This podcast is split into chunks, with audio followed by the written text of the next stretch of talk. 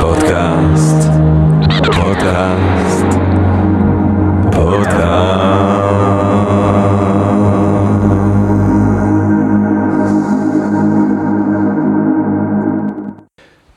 גבירותיי ורבותיי, ברוכות וברוכים הבאים לפודקאסט של Think and Drink Different, פודקאסט למי שאוהב לחשוב ולשתות. אני ג'רמי פוגל ואנחנו רוצים להודות אה, ליקום שמאפשר לנו להמשיך כאן עם הפודקאסטים שלנו, להרחיב את אופקי, את אופקי התודעה אה, אה, ולהשתעשע גם בדרך עם אה, מיטב הדוברים ומיטב הרעיונות. ולכ... אה, טוב, אי לכך ומלכן, גבירותיי ורבותיי, אני רוצה היום לדבר, או אנחנו רוצים היום לדבר בפרק שלנו בעצם על ספרות, אה, על פרוזה, אה, והסיפור על ספרות זה מזכיר לי אה, ציטוט אה, של פול אוסטר שאומר שהדבר הכי מדהים אה, בנוגע לספרות זה שהיא חסרת כל שימוש. והציטוט הזה של פול אוסטר מזכיר לי אחד מהציטוטים המועדפים עליי אי פעם, שזה רגע מדהים בצ'ואנצה, אותו כוכב עילאי של חוכמה דאואיסטית צינית, וצ'ואנצה אומר שם, רוב האנשים יודעים את השימושיות של השימושי, רק מעט אנשים יודעים את השימושיות של הבלתי שימושי. אה, אה, ולכן גם בצ'ואנסו באופן כללי בתורה הדאואיסטית יש הערצה לעץ הוותיק בחורף. כי אם אתה עץ צעיר, רענן, ייקחו ממך פירות, יהרסו אותך, יהפכו אותך לרהיט, אבל אם אתה עץ ותיק בחורף, אז אתה רק ישנו. השימוש היחידי שיש זה החוסר שימושיות של אה, ישניות, כן? וזה חיי אדם בסוף. בסוף חיי אדם זה דבר שאין שום דבר מה לעשות איתו. מה תעשה עם חיי אדם? תמכור, אה, תשכיר למישהו ותרוויח מזה כסף, אני אתן לך ייקום. מה תעשה עם היקום? אתה, אתה, אתה, אתה תשים אותו בבורסה, אתה תהפוך, אתה, מה, שום דבר אי אפשר לעשות עם ייקום, שום דבר אי אפשר לעשות עם חיי אדם, חוץ מלתת להם להתקיים, אה, וכך גם עם ספרות. משתייך עם פילוסופיה, עם, עם, עם דברים, עם אומנות, עם תרבות אולי באופן כללי, זה משתייך לדברים המדהימים האלה, אה, שהשימוש שלהם הוא החוסר שימושיות אה, הנשגבת שלהם. ואנחנו בעצם, כל זה כדי לומר שאנחנו זוכים היום בערב אה, לשבת מול אחד מהגדולים אחד מהמומחים הגדולים בישראל לחוסר שימושיות נשגבת שכזאת, אחד מהסופרים הגדולים שכותבים בעברית היום, אחד מהסופרים הפופולריים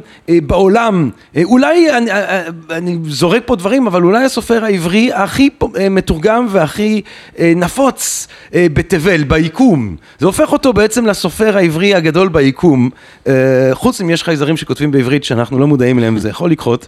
אה, אני מדבר כמובן על אדגר קרת, גבירותיי ורבותיי. אני יושב פה מול אדגר קרת, סופר, מחזאי, תסריטאי, קומיקאי, פזמונאי, אה, אה, מעוד משנות התשעים כולנו זוכרים, אני עוד הדור שככה היה בתיכון בשנים האלה של געגועי לקיסינג'ר בתשעים וארבע ועד לתקלה בקצה הגלקסיה שיצא מה לפני שנה כן. וזכתה בפרס ספיר ספרים רבים בדרך וקומיקסים וגם כתיבה אה, לטלוויזיה, כן, החמישייה הקאמרית, אתה היית בין הכותבים בשלבים מסוימים אה, וכמובן אה, אה, סרטים מהקלאסיקות של אה, ישראל העכשווית, מדוזות ב-2007 שהוא עשה יחד עם אשתו אה, שירה גפן אה, ועכשיו ב-2020 בעצם יצא המתווך אה, בצרפתית אה, על אכטה עם לא אחר מאשר מתיו אמלריק ואדי מיטשל, גבירותיי ורבותיי, דבר שתמיד מרגש אותי שוב, אה, לשבת פה מול בן אדם שהכניס משפטים לפה של אדי מיטשל, האלוויס, האלוויס של צרפת, עכשיו שג'וני הולידי הלך, אה, ג'וני, מחשבה בשבילך גם. אה, גבירותיי ורבותיי, הגדול מכולם, אדגר קרת, אדגר קרת, שלום רב. היי, שלום. אני אגיד לך שכל מה שאמרת, איכשהו הוא חיבר אותי לסיפור שאבא שלי סיפר לי פעם. אה, שהוא, שבזמן מלחמת העולם השנייה, אז הוא הסתתר בבור עם, אה, עם ההורים שלו, והבור הזה היה בור ממש ממש קטן, ו... וכששאלתי אותו איך הוא הצליח ככה לשמור על אופטימיות ו...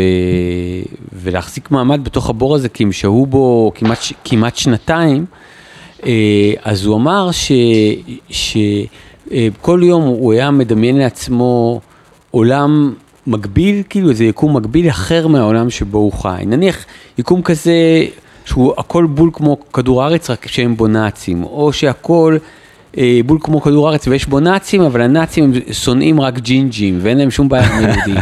או כל פעם הוא היה חושב על עולמות אחרים. ו, והוא אמר, היה בזה משהו שהוא נתן לי כוח, כי, כי אמרתי לעצמי, כל דבר שאני מסוגל לדמיין זה משהו שיכול להיות קיים. Mm. ואני חושב שספרות זה בעצם מין סוג של הרחבה של המציאות. לא רק למה שיש, אלא גם למה שיכול להיות. Mm. ו- ומהבחינה הזאת, אתה יודע, זה יכול לתת לך תקווה שיכול להיות טוב יותר, זה גם יכול לייאש אותך, כי להבין, להבין שאנחנו עוד יכולים לרדת לתאומות אה, יותר גדולות, אבל, אבל ההרחבה הזאת, אז באמת אתה דיברת על משהו שהוא, שהוא לא מעשי, אז אני אומר, הוא לא מעשי במימד הזה, mm. אבל הוא מאוד מאוד מעשי במימדים שהוא פותח. מעניין.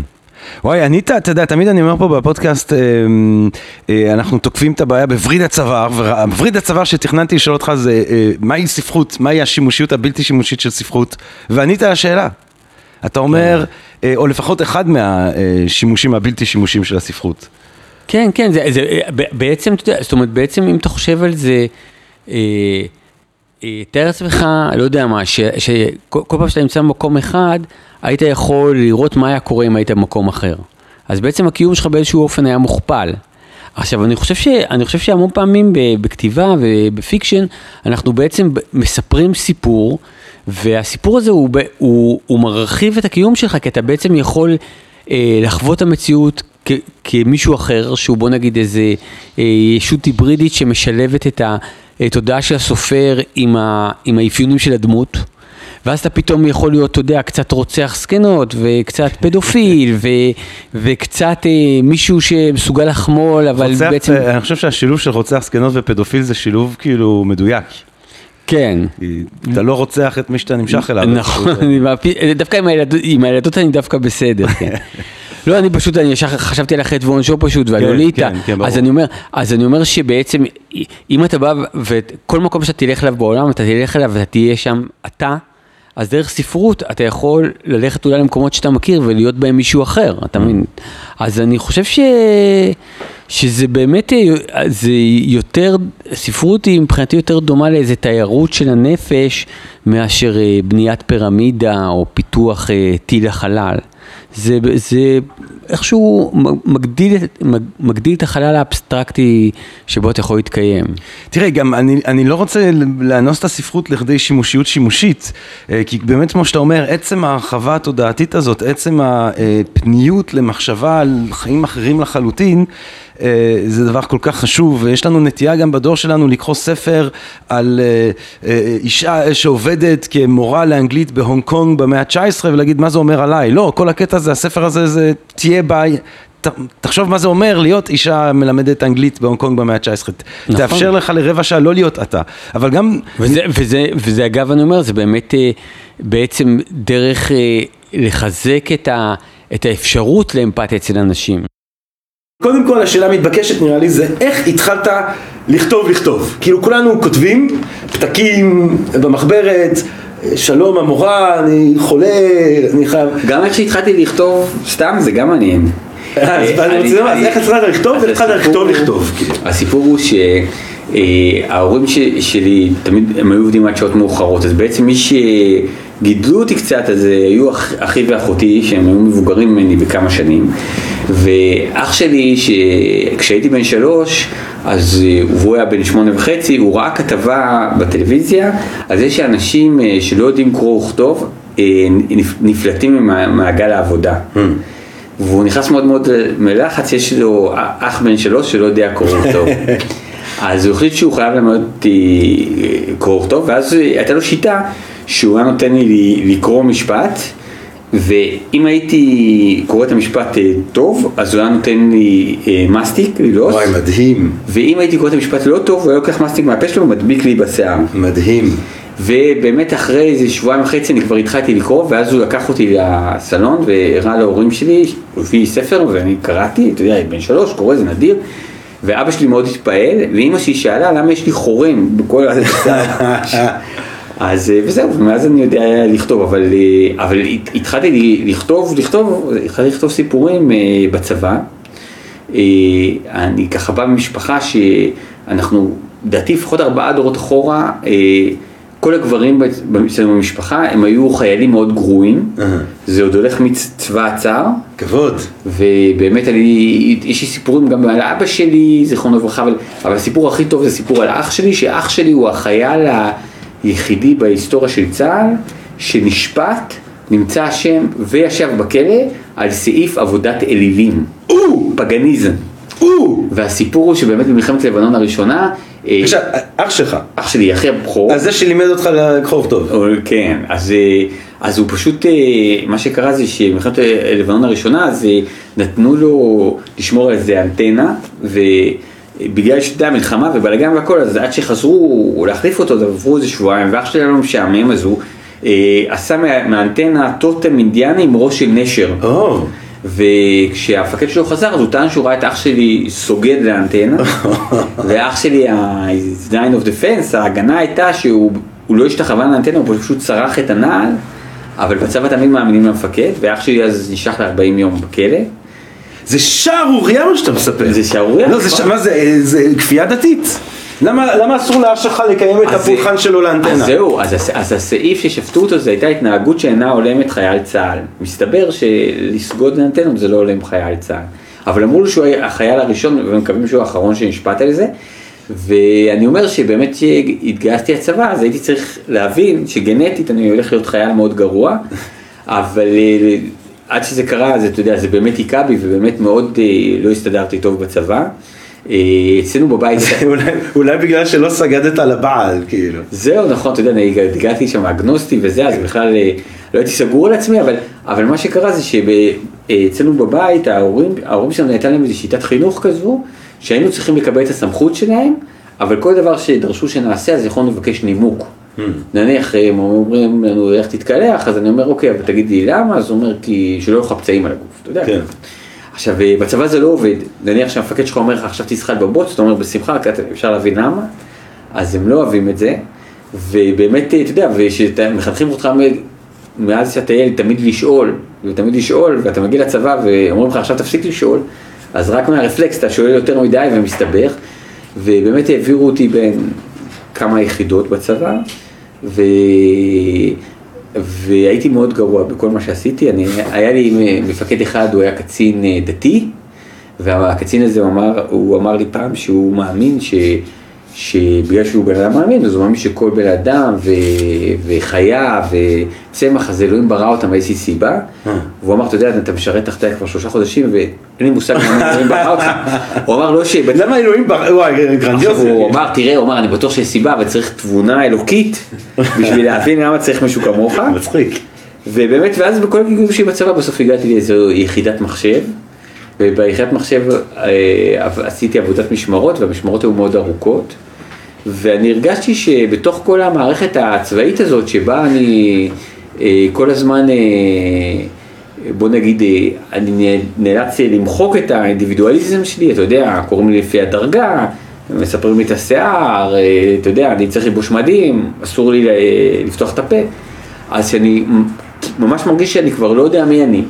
והיה משהו בכתיבה שאני חושב שהוא עזר לי להבין מי אני, וגם באותו זמן אה, לעשות את זה בכזה אופן שאתה יודע, שאני יכול לתת לך לקרוא את הסיפור, אבל אם אה, נכנס אה, קצין לחדר, אני יכול לקפל ולשים בכיס ולהגיד, לא, אני סתם יושב. ובסיפורים הראשונים האלה אתה, מה אתה אומר לעצמך שאתה עושה? מה אתה מרגיש שאתה עושה? אתה מרגיש שאתה, וואי, אולי אני נהיה סופר, ואולי אני אפרסם, ואולי יהיה לי הצלחה ספרותית, או, לא. או אתה כזה doodling? אני לא, אני כותב. אומרים לי להפסיק לצעוק, אני מנסה להירגע. פעם רוקנרול תמיד רוקנרול. נכון. מה, אני דודו טופז נראה לך? אפשר לדבר, אתה יכול לדבר איתי כאילו. תדע לך שדודו טופז היה מדבר בקול עוד יותר. נכון. לא אני חייב להגיד משהו, אני ראיתי את הזה על דודו, הוא עלה live מול מיליוני איש על אקסטות. על אקסטה. עכשיו זה כבר אני חי... הייתי חייב להגיד וואי כל הכבוד כאילו זה באמת כבוד. אני לא יודע כמה אנשים. אתה אומר מילא למצוא קהל של מיליוני איש איפה אתה מוצא אקסטות.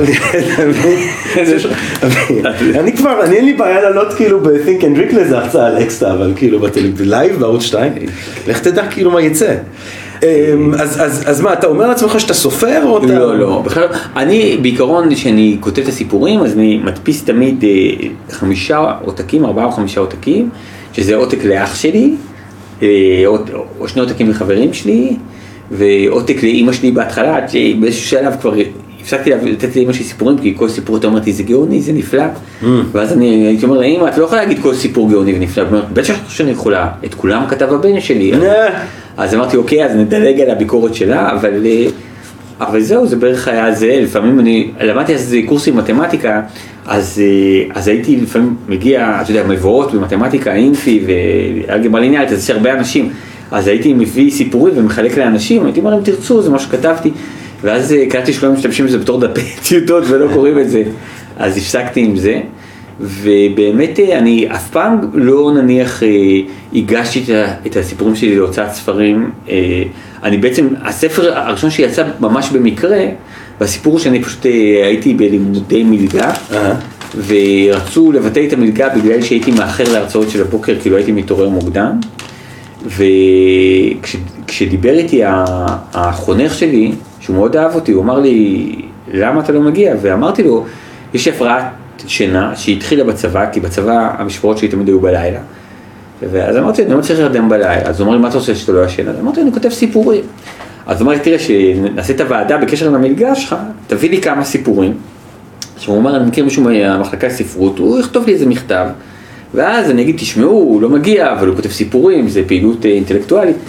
ואז אמרתי לו, תשמע, אני לא יודע, כי אתה יודע, אני כותב רק לחברים שלי, אז הוא אמר לי, תראה, הבחור, הפרופסור, הוא, אתה יודע, לימודי ספרות באוניברסיטה, הוא לא יכתוב שזה חרא, הוא יכתוב שזה פוסט מודרני, זה חתרני.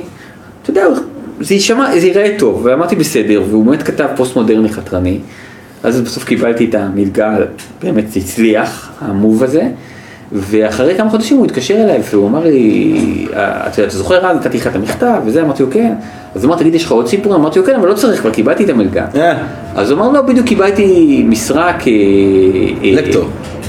כעורך של, של סדרת ספרי מקור, של סופרים ראשונים, שכותבים בצורה קצת אוונגרדית, והוא אמר, נראה לי אתה יושב בול עם הסיפורים האחרים הטובים כמו כמה שהבאת לי אז, אני יוצא לך ספר, וככה יצא לי ספר, אבל... ומי היה האיש הזה? חנן חבר, פרופסור. אה, חנן חבר. כן. וואי, מכיר את חנן.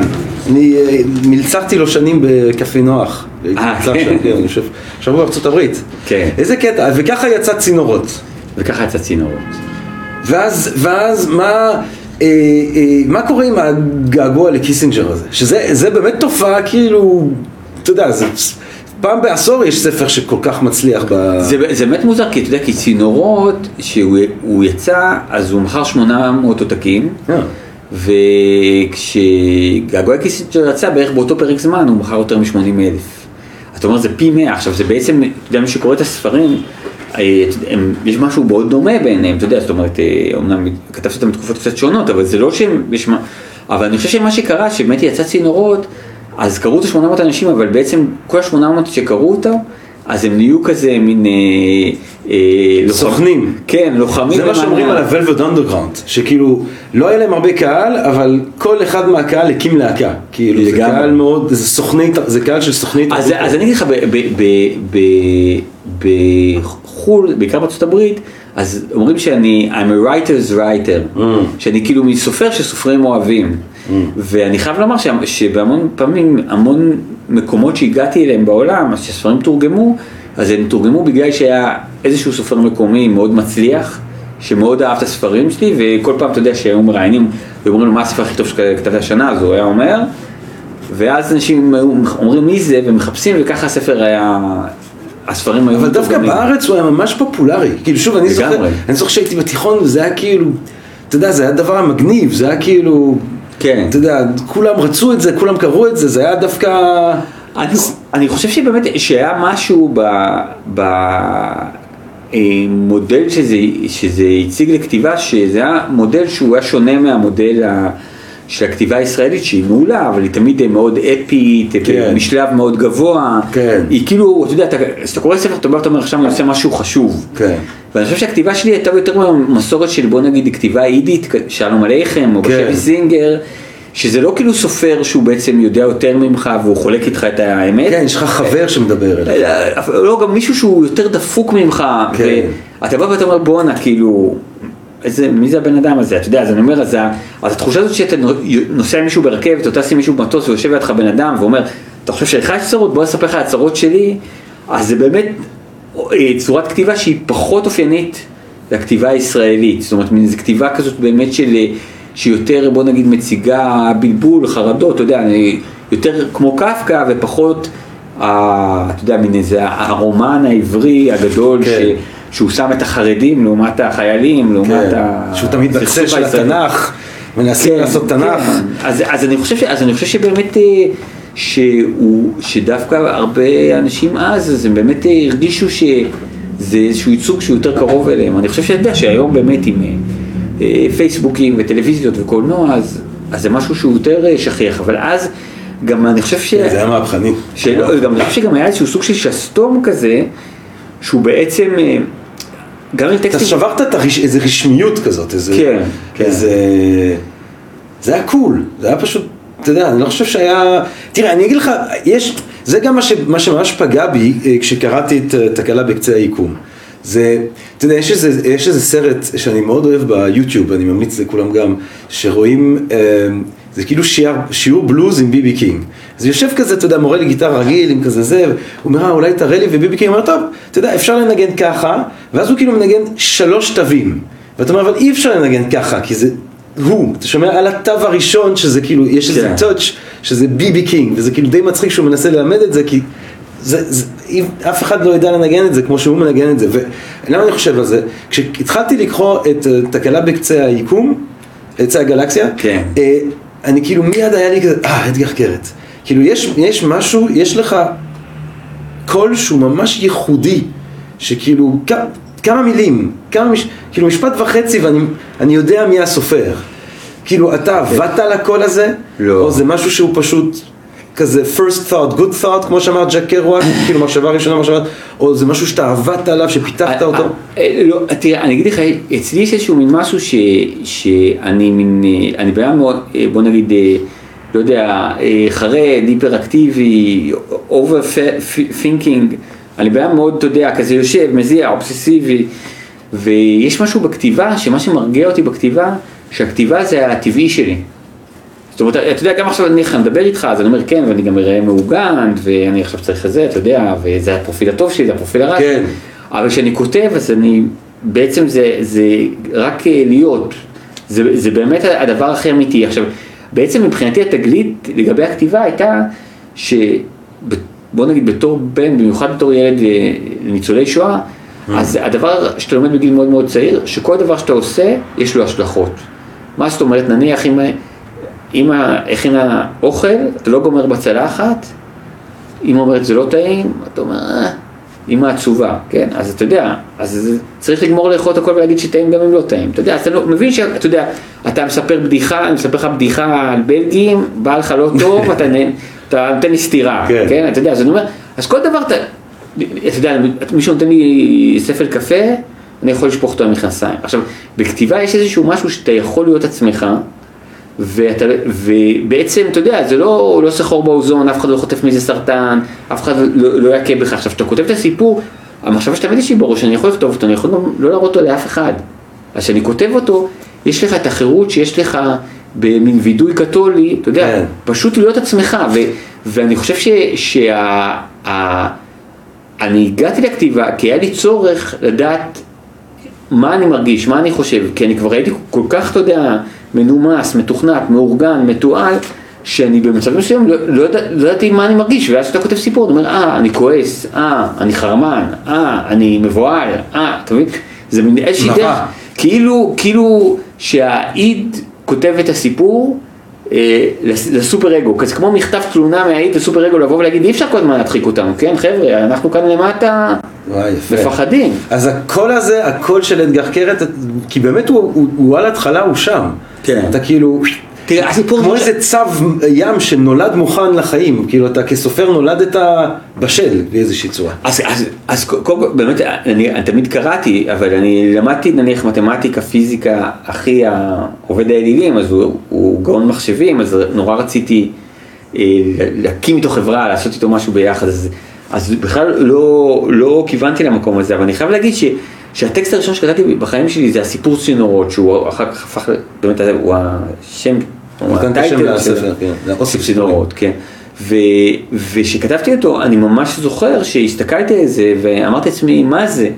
כי לא הייתי בטוח שזה סיפור, כי גם, כי מבחינתי גם, זאת אומרת, היכולת שלי להבין שאני כותב fiction הייתה מוגבלת. אני אגב זוכר שחנן, חנן חבר, שהוא קרא את הטקסטים שלי, שהוא התחיל לערוך את הספר, אז הוא התקשר אליו והוא אמר לי, אתה יודע, הדמויות שלך, מה שאני אוהב שהן כל כך מעוותות וגרוטסקיות, וטרקתי לו את הטלפון, ואז אחר כך הוא התקשר עוד פעם והוא אמר לי, מה טרקת את הטלפון? אז אמרתי לו, אני כותב סיפור על האישה שאני אוהב, על החברים שלי, ואתה אומר שהם מעוותים וגרוטסקיים, זאת אומרת, הרבה דברים מה, כאילו מהאפקטים הפואטיים, זה בעצם היה מין אה, איזשהו עיוות באופן שתפסתי את העולם, זה לא, זה לא שאני ניסיתי לייצר איזשהו סוג אפקט, אני פשוט הרגשתי שזה ככה. האמת הנינוחות הזאת, זה שאתה לא, האי מאמץ הזה, שאולי מול כל העולם שאתה צריך להתאמץ כדי לא לאכזב וזה, באמת הוא, הוא, הוא מאוד נוכח. יש כן. משהו באמת בכתיבה הזאת שהיא, אה, שאתה נוש... אני, זה, כן, לחלוטין. דור שני, אגב, אה, זה הרבה כבוד אצלי. דור שני לשואה, גבירותיי רבותיי, דור שלוש זה פחות כבוד כבר, דור שני זה הרבה כבוד, לא, כי גם, האמת רואים את זה גם עם האח העובד אלים, כן. שהוא באיזה התקף חרדה אה, על היכולת שלך להתפרנס בגיל שלוש, כן. זה מאוד דור שני זה, זה מאוד, זה מאוד, נכון. לא, אצלנו היו הרבה כאלה, מין... אה, אתה יודע, הדברים שהגיעו מהבית הזה היו המון פעמים דברים מאוד לא סטנדרטיים. כי גם אמי היא התייתמה בגיל מאוד צעיר, אה, היא בהתחלת מלחמה הייתה בגטו ורשה ואחר כך במקום אחר, אבל אה, הרגו את שני ההורים שלה ואת אחיה, והיא כן. נשארה לבד, אז, אז בשביל אימא שלי בעצם, ה, איך שהיא גידלה אותנו, זה באמת, המשפחה שלנו זה היה באמת כאילו כמו פרטיזנים שמסתתרים ביערות ברמת גן, שהרעיון הוא ש... אמא שלי אמרה, תראה, אתה תפגוש, יהיו מורים, יהיו מנהלים, הם יגידו לך שהם רוצים לטובתך, אל תאמין להם, אני הייתי בית יתומים, אומרים שהם רוצים לטובתך, הם בעצם רוצים לתת לך פחות אוכל ולקח את השמיכה שלך. וואו. אז בעצם, לא, אז בגדול, עכשיו, לא בקטע של חשדנות רעה, כן. אלא בקטע של אנחנו כאן חבורה, אבא ואמא כאן בשבילך, אתה לא רוצה ללכת חצי שנה לבית ספר, אני אשב עם אבא עד הבוקר, נמציא איזה מחלה נורא נדירה שיש לך, אני אזייף לך איזה נייר, הכי הרבה אבא יבוא יבכה קצת בבית ספר, מה שאתה רוצה. אתה פשוט, אתה יודע מה טוב לך, ותלך עם זה, וכל השאר, אתה יודע, תקשיב להם, אולי הם אומרים משהו חכם, אבל אל, תקב, את הסמכות שלהם. כי אמא שלי תמיד אמרה, אני יודעת מהבתי יתומים, כמה שאנשים בתפקיד יותר גבוה, ככה הם יותר חארות. אז, אז זה באמת, אתה יודע, זה היה מין חינוך שהוא לא סטנדרטי, או, או נניח אצלנו בבית לא היו דמי כיס. אה, אבא שלי, שהוא היה מקבל את המשכורת, כשהייתי ילד אז היה מעט כסף, היה מוציא את הכל במזומן, שם במגירה, אומר מי שצריך, שייקח, לא צריך להסביר לי, אתם ילדים חכמים, אתם בטח יודעים. אה, יפה. עכשיו, אה, עכשיו אצלנו במשפחה, באמת, אני התחלתי לעבוד כשהייתי בן שש.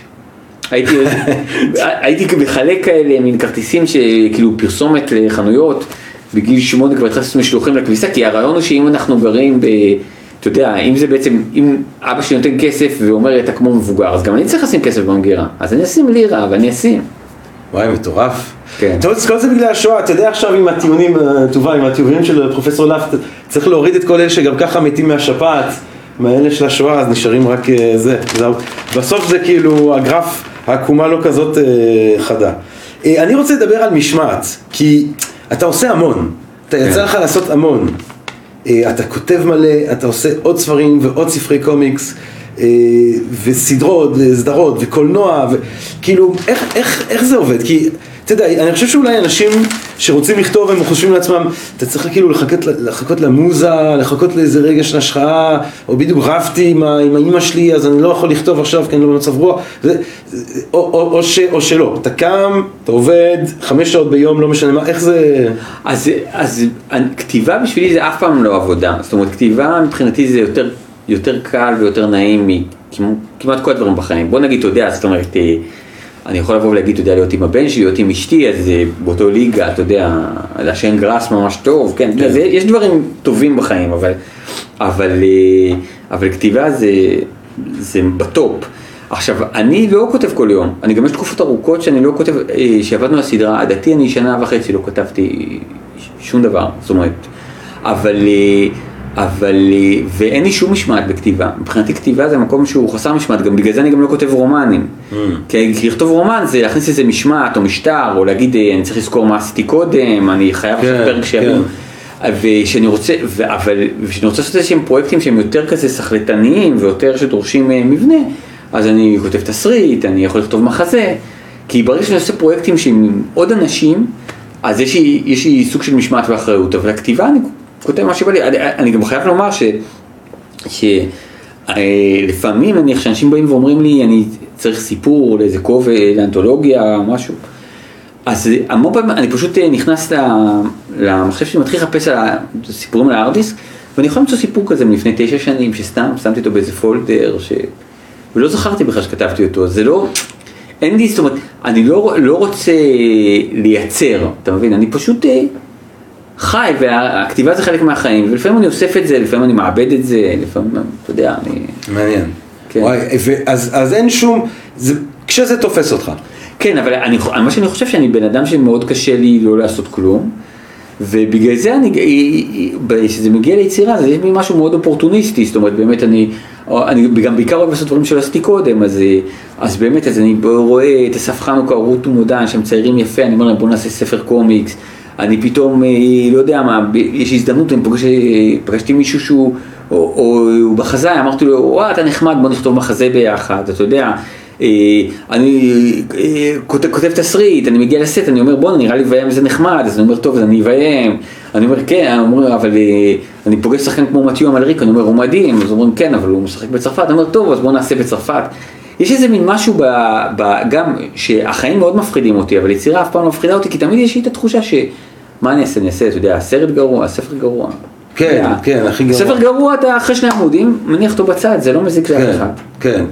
אתה עדיין מסוגל בכלל אה, לקרוא בלי להיות סופר? זאת אומרת, לקרוא בלי, לא יודע, אתה קורא איזה, לא יודע, אתה קורא איזה ספר חדש, אתה כזה, fucking בן זונה, אני כאילו, הוא הלך לכיוון, זה טוב, ואז זה מפריע לך כי זה טוב, או אתה פשוט נהנה מזה, או אתה לומד מזה, או יש, אתה יכול פשוט לקרוא, איך, איך זה... אה, אז, אז... כאילו, עדיין, עדיין יש ספרות כסוג של פנאי, או זה כאילו סוג אז, של... אז אני חייב לומר שאצלי באמת, אה, אני, ש... בנעוריי, קראתי ברמות מפחידות, זאת אומרת הייתי קורא ספר ביום, אה, ו, ומאז שהתחלתי לכתוב אז באמת יש איזשהו יחס כזה שככל שאני כותב יותר אני קורא פחות, mm. כי, אני חושב, כי אני חושב שבאמת יש איזשהו משהו בכתיבה, זה שאתה לא יכול לשאת את העולם, אז אתה יוצר לעצמך איזה יקום אלטרנטיבי. עכשיו בעצם יש איזשהו מין משהו שאתה, אם אתה כבר ביקום האלטרנטיבי שלך, אתה לא צריך יקום אלטרנטיבי של מישהו אחר.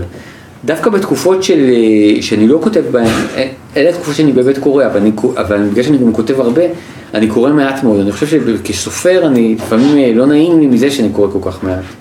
אתה, אם מדברים על תקופות של כתיבה, תקופות של קריאה, כל הסגר, קורונה, כל הקורונה ויירס, ההרפתקה הזאת כאן, אתה, אתה עובד טוב? אתה, אז אני אומר שמאז, שמאז געגועי קיסינג'ר לא כתבתי כל כך הרבה כמו שאני כותב עכשיו. לא.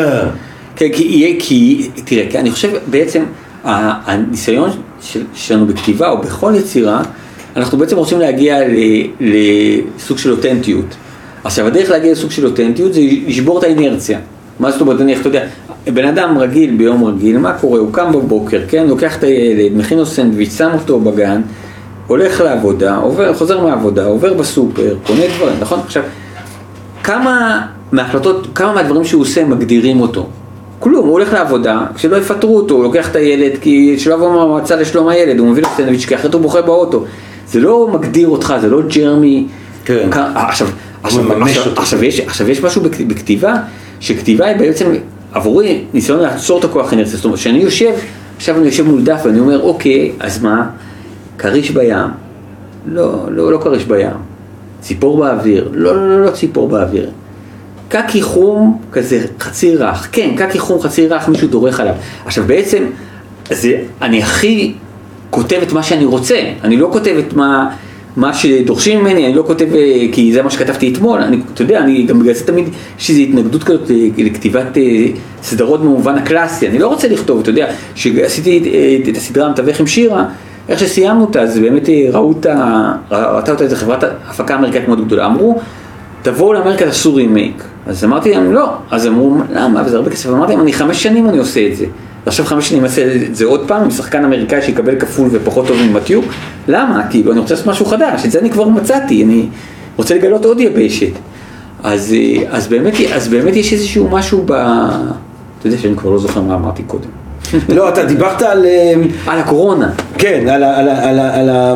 טוב, זה היה קודם קודם. אבל זה כאילו הפרודוקטיביות שלך בזמן הקורונה, אבל אז זהו, שמירת אז, אני. אומר שיש משהו מעניין בקורונה, שהקורונה, שוב, אבא שלי, שהוא עבר את השואה, אז הוא תמיד אמר, מבחינתי אין תקופות רעות ותקופות טובות, יש תקופות קשות ותקופות קלות. כן. עכשיו הוא אומר, בשואה נשקתי בחורה פעם ראשונה, אה. עישנתי סיגריה פעם ראשונה, הייתה לי חברה, היו לי כל מיני תובנות לגבי האנושות שלא הייתי יכול לקבל אותן בסביבה שבה אנשים מתנהגים כמו בני אדם, אז בסדר, אז זה היה קשה, אבל אני, לא היה רע. עכשיו, אני חושב שב- ש... מעניין. עכשיו, כי אז זה יכול להיות לך קשה ורע, יכול להיות לך קשה וטוב וקל ורע בעצם. זה כן, לחשוב לגמרי, לגמרי, כן. לגמרי, כי, מבחינת אבא שלי קל ורע, זה נניח, אם יש לך איזושהי סביבה שאתה לא מאוים, אבל אתה לא מחובר לעצמך, אתה לא מחובר לרגשות שלך, כן. אתה לא מתקדם, אתה יודע, אתה כמו שלולית, אתה כן. עומדים.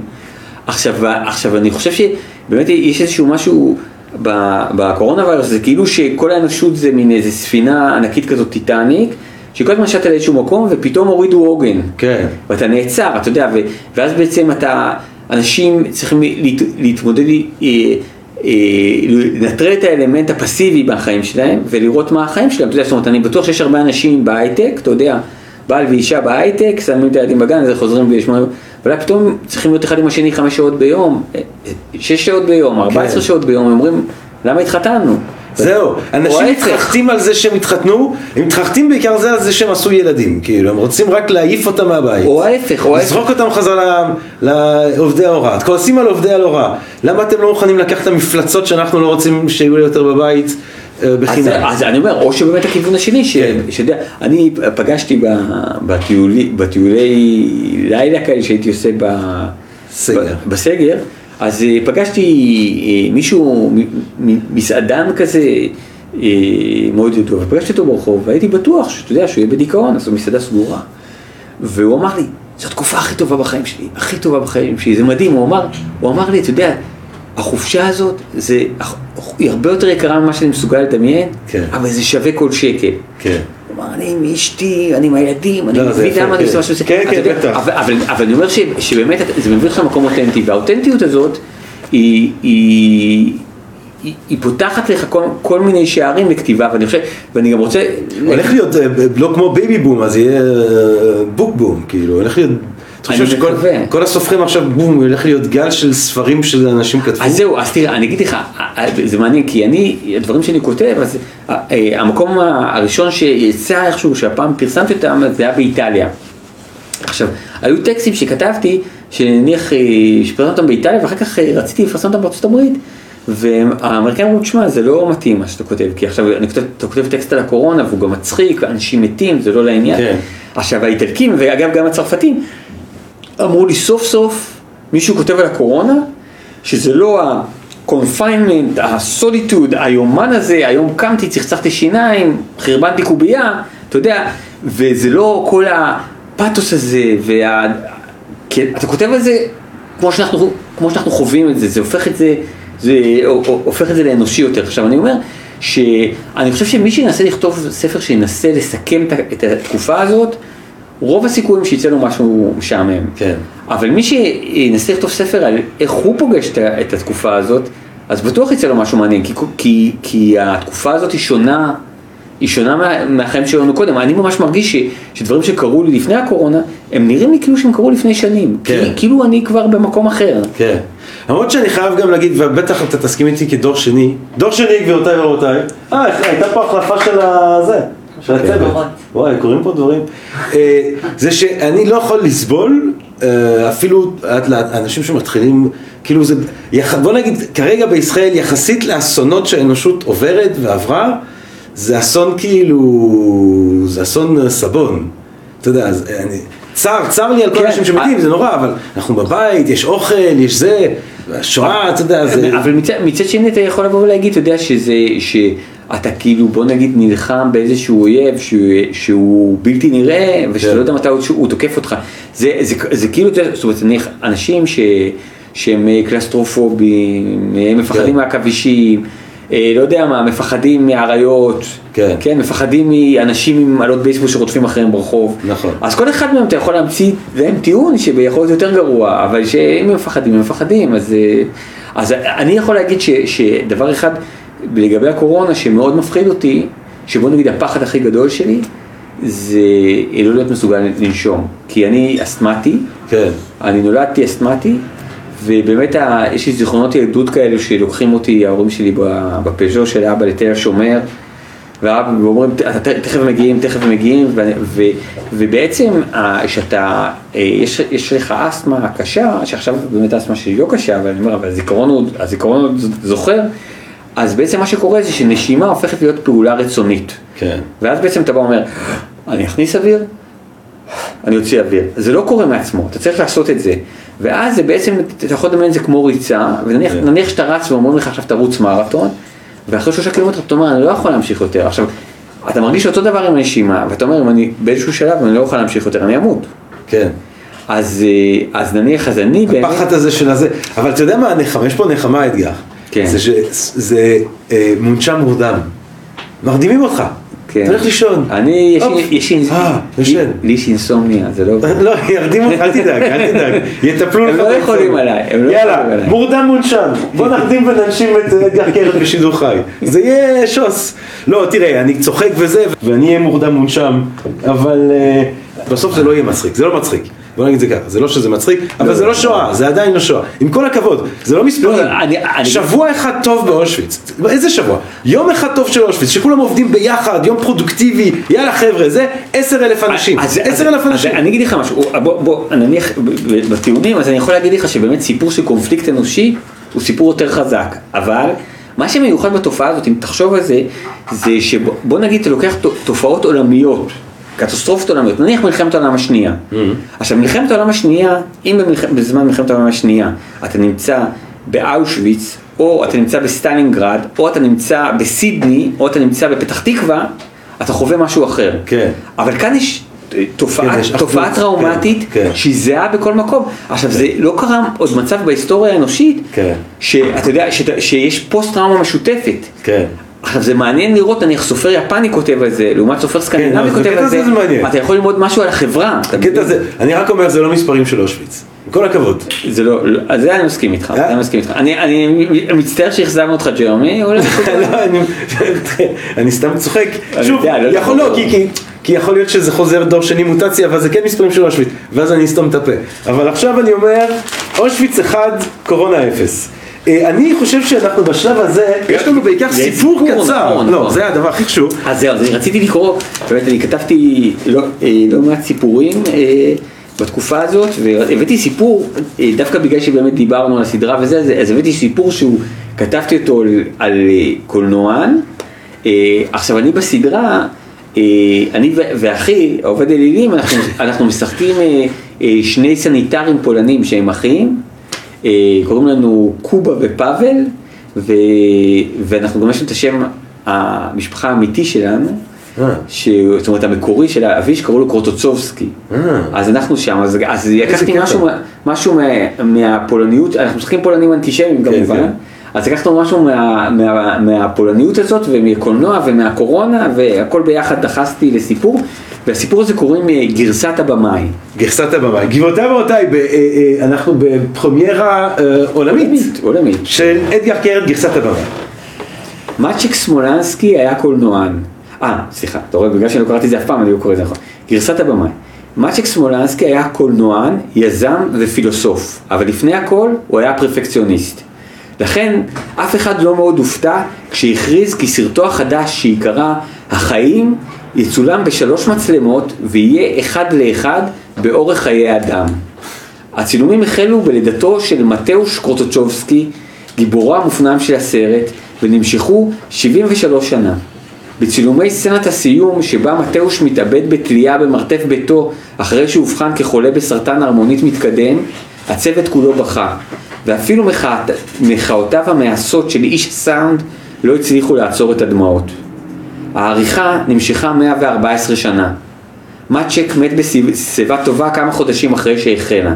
עריכת הסאונד ארכה עוד 96 שנה, וברשתות החברתיות נשמעו לא מעט תלונות על כך שנעשתה ברישול.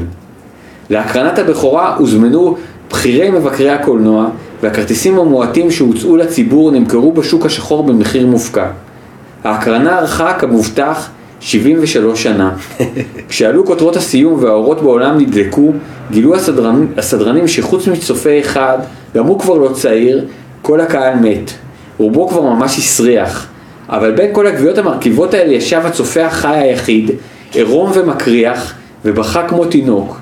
וכשלא נותרו לו דמעות, הוא מחה את עיניו, קם והחל לצעוד לעבר היציאה כאילו כלום. הגבר המקריח הזה היה בנה של מבקרת קולנוע מפורסמת, שכשנכנסה לאולם עדיין לא ידעה שהיא בהיריון. הוא נולד בחודש השמיני להקרנה, וגדל באולם הקולנוע החשוך כשהוא מאופנת למסך. כשפתח את דלתות האולם ויצא על הרחוב, השמש סנוורה אותו. עשרות הכתבים שהמתינו מחוץ לאולם, לאולם דחפו לעברו מיקרופונים ושאלו מה חשב על הסרט. סרט? אמר הגבר המקריח, עיניו ממצמצות אל אל, אל מול אור השמש. הוא היה בכלל בטוח שזה החיים.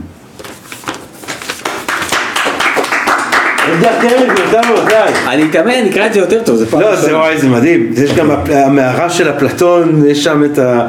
וואי, מדהים. מרגש. מי היה מאמין שאני אזכה אה, להקשיב, שיקחיו לי, טוב גם לקהל, סיפור של אדגר קרת. ממש מה... כן, אבל אשתי שמעה אותו קודם. אה, טוב, בסדר. לאכזב. אני רוצה סיפור אחר.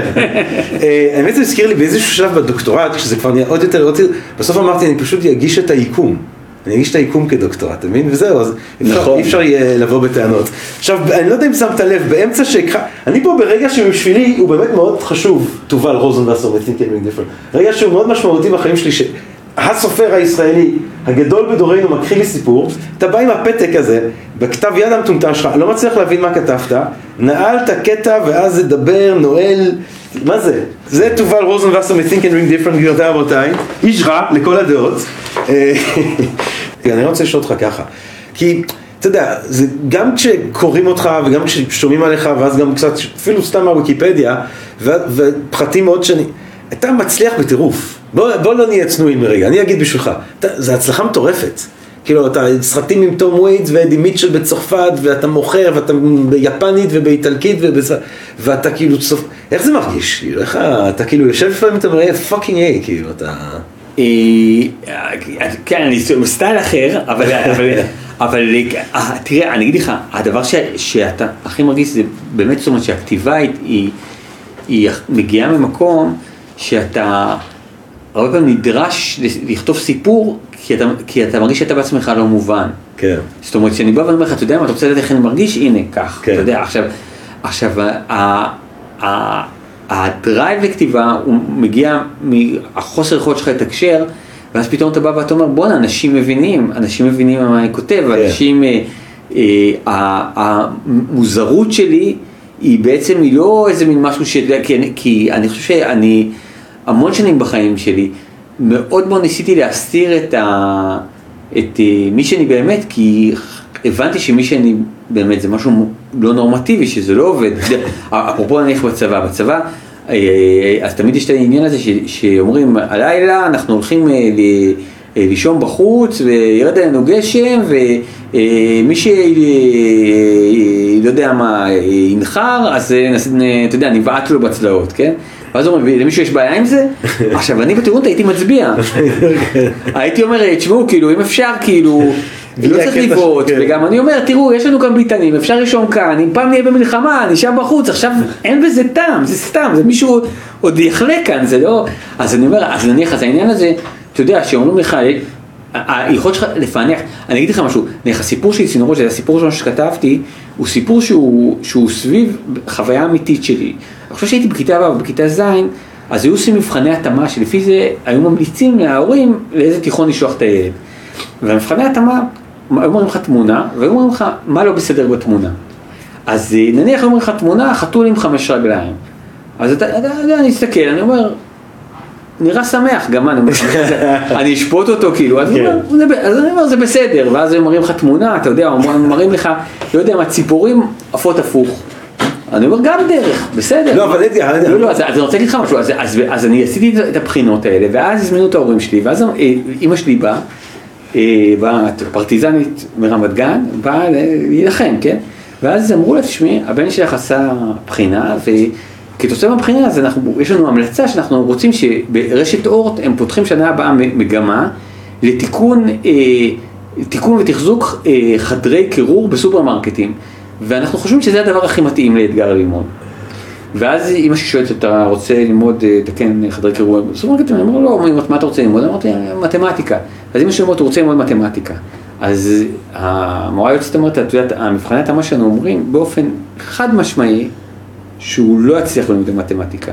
אז אמא שהסתכלה עליה ואמרה לה, אם זה אותם מבחני התאמה שאמרו שאת יכולה להיות יועצת, אז we take our chances. עכשיו, עכשיו, אז אני אומר, המקום הזה שבו אתה בא ואתה אומר, אני רואה דברים אחרת, וזה בעיה, ואם הבנות ידעו אז הם לא יצאו אותי, ואם הבנים ידעו אז הם לא ידברו איתי או יצחקו עליי.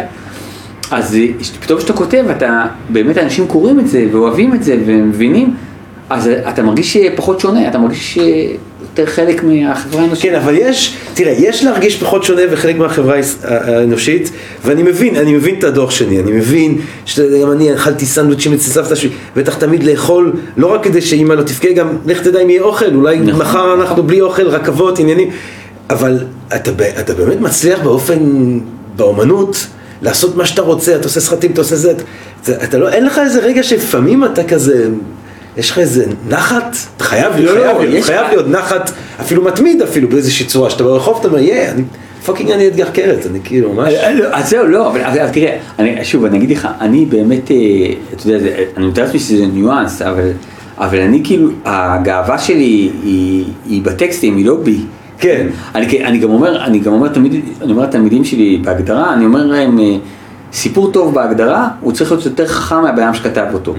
כי אם אתה כותב סיפור שהוא חכם כמוך או פחות, אתה מרכיב רהיט של איקאה. כן. אתה לא, היצירה זה בדיוק המקום הזה שאתה חושב שאתה הולך לאיזשהו מקום ואתה מגיע למקום אחר. עכשיו, עכשיו אני, אני לוקח בעלות על סיפורים שאני כותב, אבל אני גם יודע שאם תגידי תעשה עוד אחד כזה, אני לא יודע. כן. אז, אה, אז מהבחינה הזאת אתה יודע, זאת אומרת, אז אני, התחושה שלי יותר, אה, אני מרגיש יותר בר מזל מגאה. כן, מעניין, מעניין.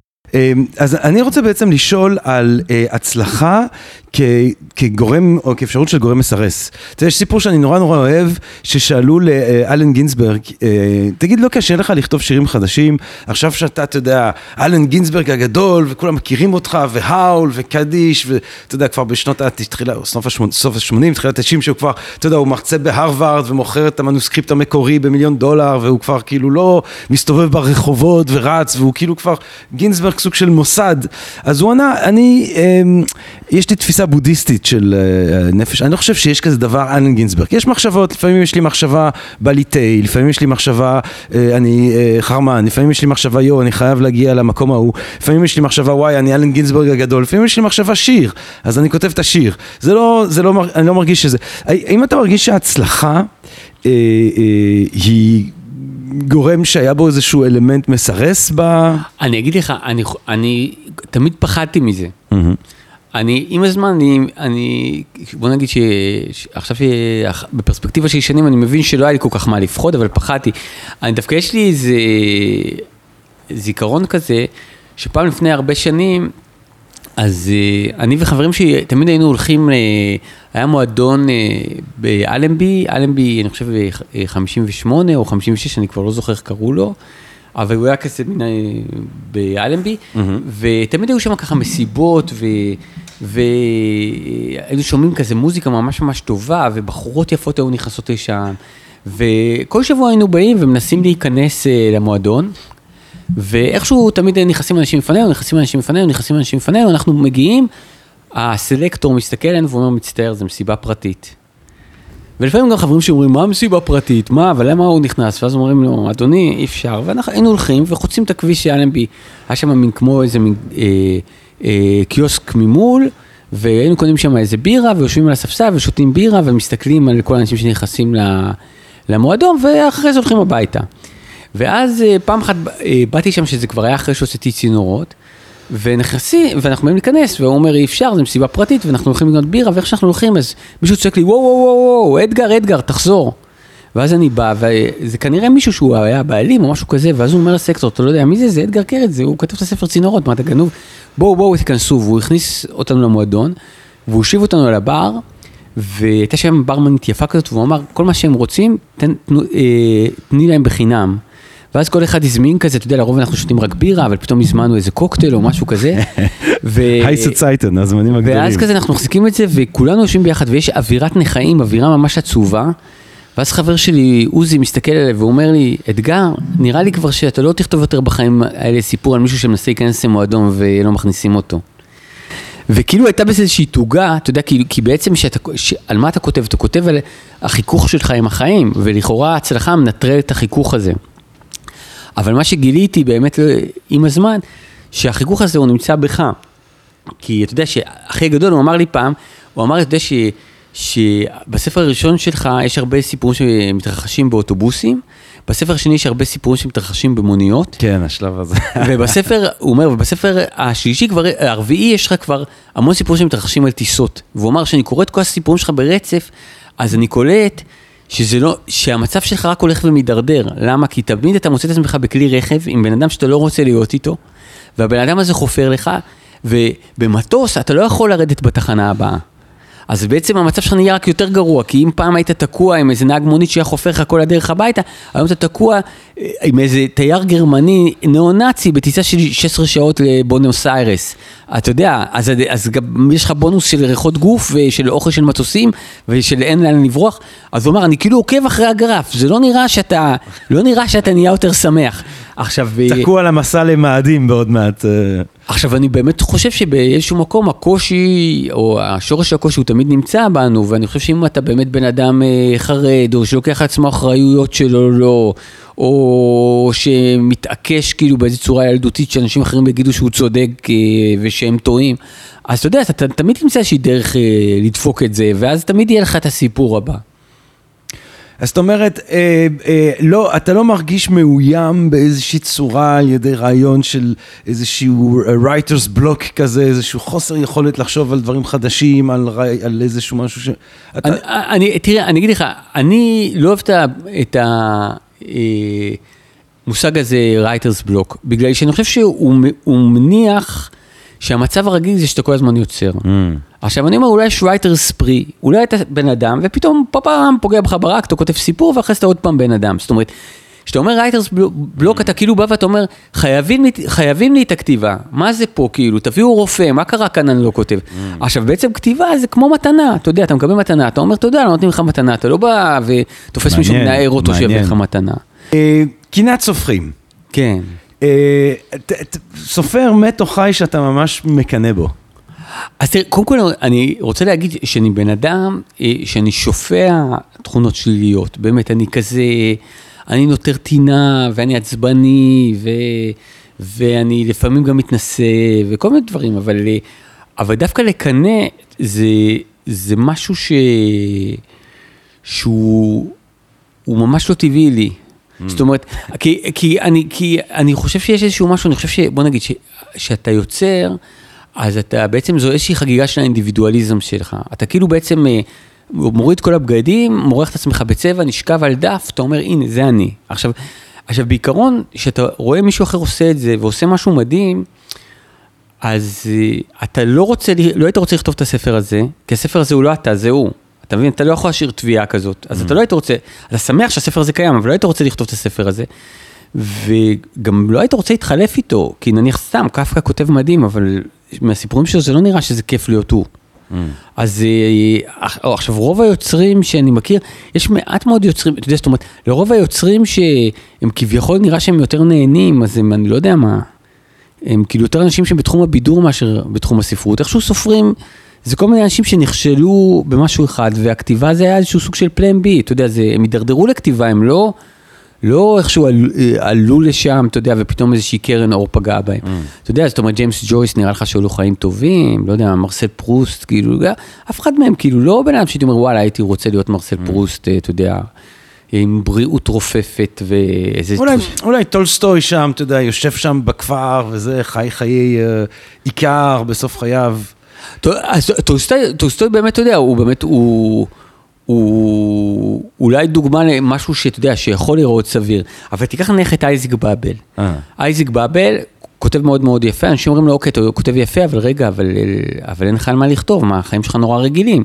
אז הוא מתגייס לצבא, הוא מסתובב שם איזה 20 שנה בצבא, הוא נמצא בכל מיני סיטואציות שאונסים נשים ורוצחים כפרים, ושאנשים חווים, אה, אתה יודע, רעב מטורף, ושמנסרים לאנשים רג, רגליים.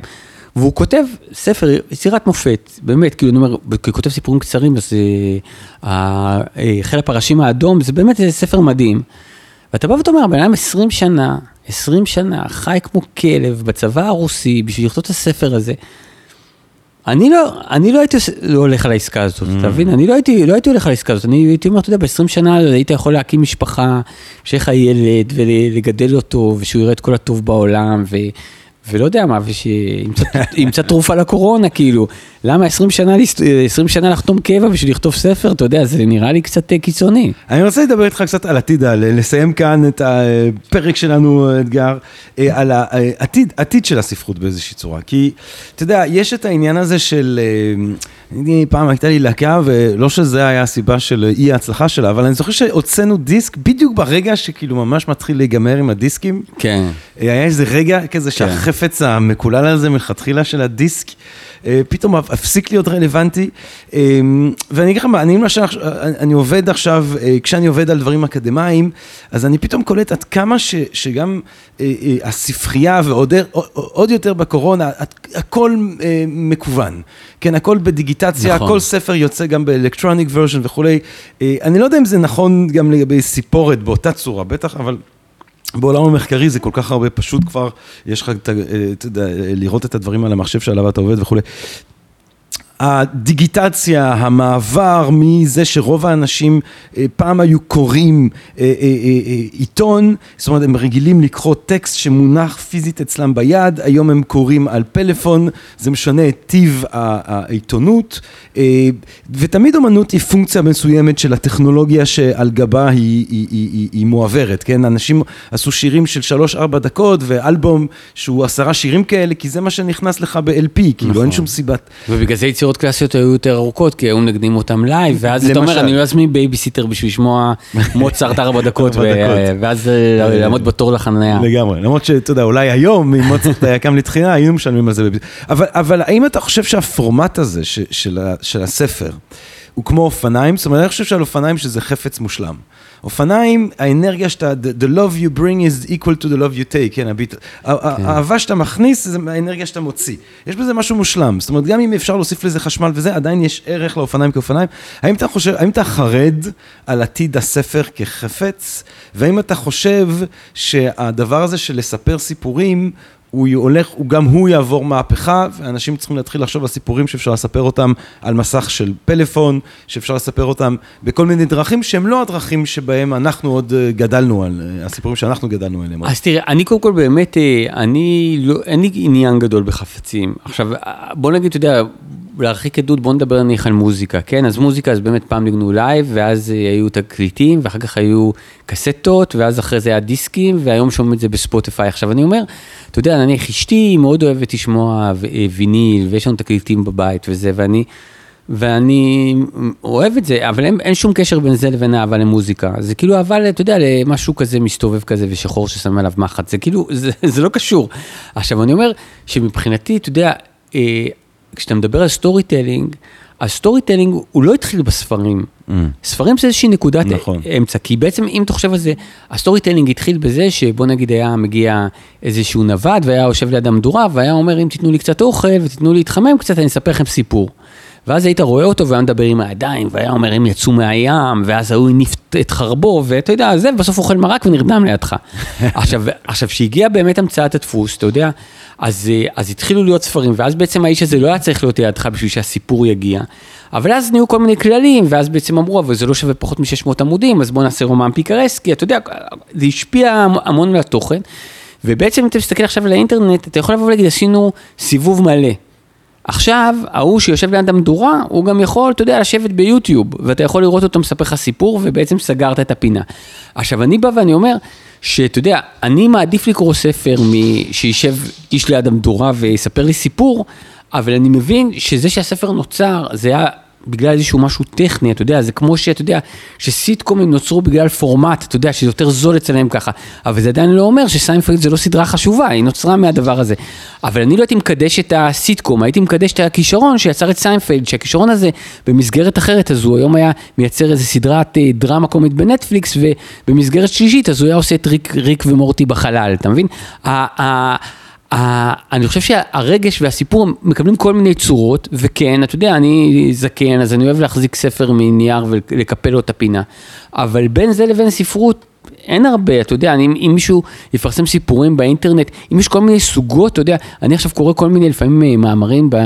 ש, שהם גם מגיעים למקומות אחרים, באינטרנט, או בכלל, אני קראתי כמה אה, מאמרים של אה, גום בן ארי, שהוא למען הגילוי הנאות, הוא גם קרוב משפחה שלי, אתה יודע, אז הוא יכול לכתוב על, על פיצה גייט, הוא יכול לכתוב על, על פטריות, עכשיו זה מסוג של טקסטים שיכולים להתקיים רק באינטרנט, mm. כי מה, זה... זה ו-think and be different, אבל אני אומר שהטקסטים האלה כספר, מה זה בדיוק היה, מה זה, זה קצר מדי, זה מי יקרא את זה אה, כמאמר מדעי, זה לא ממש מדעי, הוא לא מסתמך על עובדות, אתה יודע, כסוגה של חצי ספרות וחצי כזה וכזה.